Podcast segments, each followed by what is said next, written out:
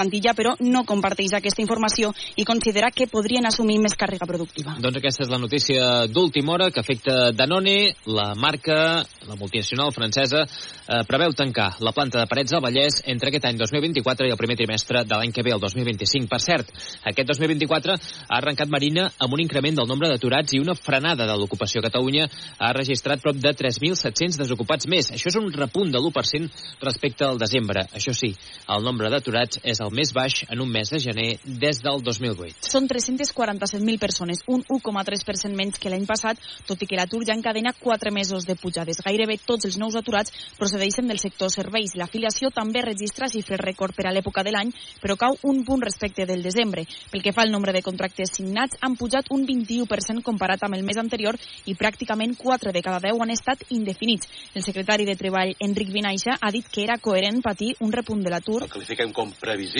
Perquè les dades arriben després de la campanya de Nadal, però que... No són negatives, són positives.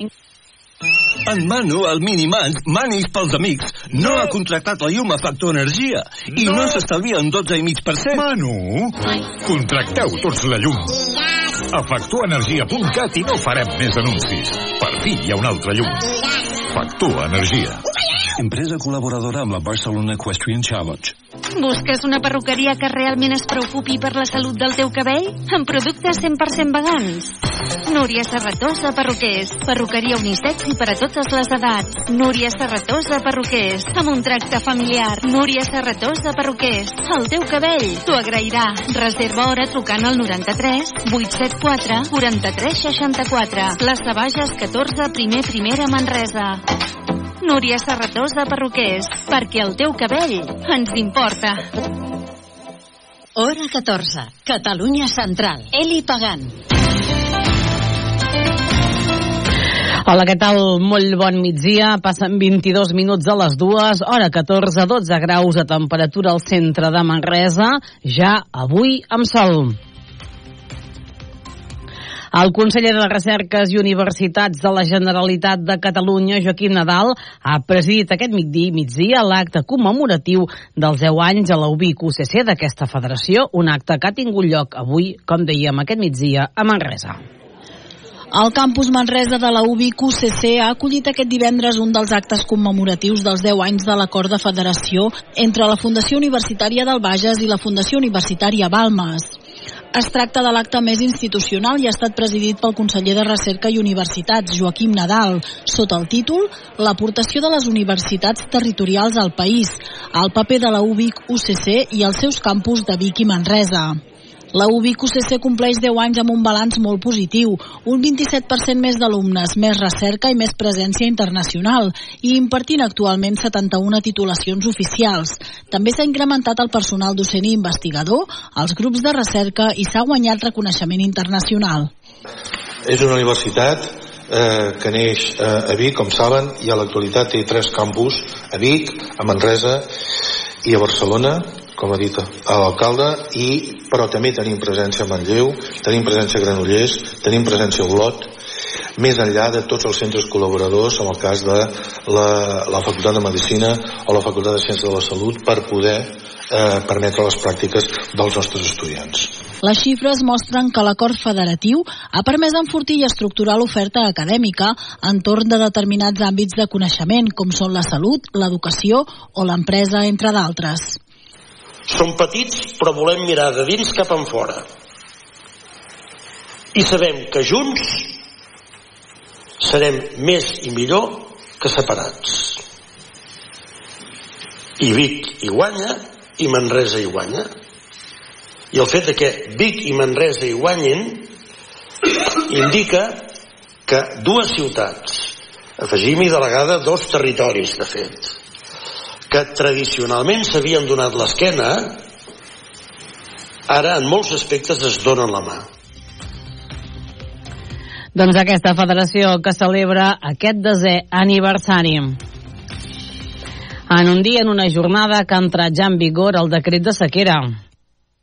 El diari oficial de la Generalitat de Catalunya ha publicat aquest divendres la resolució que fa efectiva l'entrada en fase d'emergència per sequera als 202 municipis del sistema Ter Llobregat, que va decretar el govern aquest dijous, i entre ells 31 municipis de les comarques del Bages, el Berguedà i el Solsonès.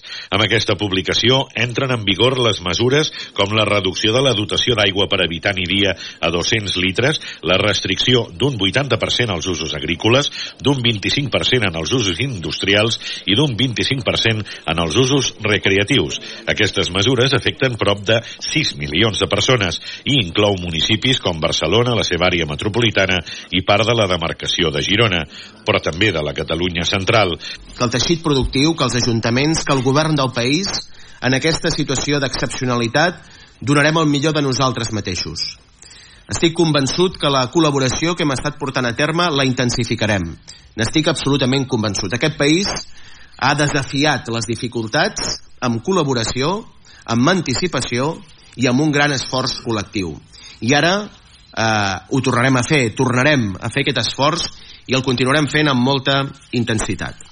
Superarem la sequera i ho farem gràcies a la col·laboració, a l'esforç compartit, a la planificació i a les inversions ben dirigides. I d'aquests municipis, 86 dels 202 sobrepassarien el límit de consum que tindran a partir d'ara si es mantinguessin les xifres del desembre, segons les dades més recents que ha facilitat l'Agència Catalana de l'Aigua. De fet, Sant Mateu de Bages és la cinquena població que més gasta, amb 406 litres per habitant i dia, però també superen la xifra Fonollosa, Rajadell o Solsona, entre altres. La mesura arriba després que l'executiu català convoqués de manera urgent la Comissió Interdepartamental de Sequera arran de la baixada de les reserves d'aigua dels pantans que formen l'àmbit. Però els grups ecologistes denuncien l'afectació de la biodiversitat per la pèrdua de qualitat de l'aigua arran de la reducció dels cabals dels rius. En concret, es preveu una reducció del 94% del cabal del Llobregat en els 40 quilòmetres que van de Sant Joan d'Espí a la desembocadura, passant pel cabal de manteniment de 4.300 litres per segon a només 250 litres. Una reducció que afecta, en aquest cas, a les persones que es dediquen al regadiu i a l'horta de Manresa. Els pagesos, però, fa temps que es queixen de la mala gestió que s'està fent de l'aigua a Manresa i asseguren que les noves mesures de restricció que s'apliquen amb la declaració d'emergència els aboquen a una situació límit. L'Enric Casasalles té una explotació de 6 hectàrees a la zona de Viladordis. És l'explotació de les Arnaules. Els regants són molt diferents. Abans eren tots pagesos, tothom era igual. Ara els pagesos són molts menys. Jo que sé, hi ha molts, molts horts, de caps de setmana, de jubilats, de gent que treballa en una empresa, que estan molt bé, però ara l'aigua la necessitem per produir què, què volem que sigui el regadiu de Manresa? Un parc per anar a disfrutar o un parc per produir? Això ho té de marcar la societat i a veure què volem que sigui. Casadalles també lamenta que a les conques d'interior no hi hagi cap solució per fer front a aquesta greu sequera. Si no baixa aigua, no regarem, doncs que no ens sortirà per l'aixeta. L'àrea metropolitana de Barcelona tindran aigua regenerada, desalada, més bona, més dolenta, més barata, més cara. Però a la Catalunya interior, les conques internes, no tindrem aigua. I la gent ho ha de saber això, que no tindrem aigua. Ja plourà, esclar que plourà sempre ja ha tornat. De moment fa tres anys i mig que no plou. Si estés dos anys més sense ploure, no sortiria aigua per l'aixeta, per molts estalvis, per molta emergència que entrem i de tot. El pantano cada dia es va buidant, cada dia. No, no hi ha alternativa. D'altra banda, el representant d'Unió de Pagesos al Baix, Josep Guitar, lamenta que l'agricultura i la ramaderia és l'últim sector i aquí s'està aplicant les restriccions més dures. Nosaltres sembla que som el sector, doncs, eh, l'últim, no? És a dir, estan els prioritz i altres sectors, no? Venen turistes cada dia que entren pel port de Barcelona, entren per l'aeroport de Barcelona, on segurament aquesta gent doncs, no se'ls retalla cap, cap litre d'aigua, i en canvi nosaltres estem produint aquí al país, que estem fent un producte de molt alta qualitat, no? de proximitat, eh, amb unes normatives molt bèsties, on eh, garantim eh, una alimentació a, la, a, la, a la població de, de, de, de, de cada zona, no? de cada territori, i llavors també sembla que ens acusa doncs, d'aquesta contaminació tal, quan, quan, quan el que estem fent, per exemple, és evitar aquesta petjada de carboni, no? quan prop de l'altra punta del món pel que fa als esports, el Baxi Manresa juga diumenge a dos quarts de set de la tarda a la pista del Covirà en Granada i pel que fa al Centre Esports Manresa juga aquest diumenge a casa contra el Club de Futbol Badalona Futur. Són dos quarts de tres. Bon cap de setmana. Hora 14. Hora 14. El láser. Con Javier Casal. Dos y media, una y media en Canarias, 20 días de primavera en pleno invierno y más de dos semanas sin ver la lluvia, grabando el episodio de sequía que afecta principalmente a Cataluña y Andalucía. No será la solución al problema, pero al fin se anuncian cambios en el tiempo. Cayetano Torres, portavoz de AMET, ¿qué tal? Muy buenas tardes, ¿cómo estás? Hola, muy buenas tardes. Eh, Cayetano, vuelven las lluvias, ese agua que necesitamos será a partir de la semana que viene, pero importante, Cayetano, ¿va a llover en los lugares donde más se necesita? Es decir, ¿va a llover en el sur, en Andalucía o en Cataluña?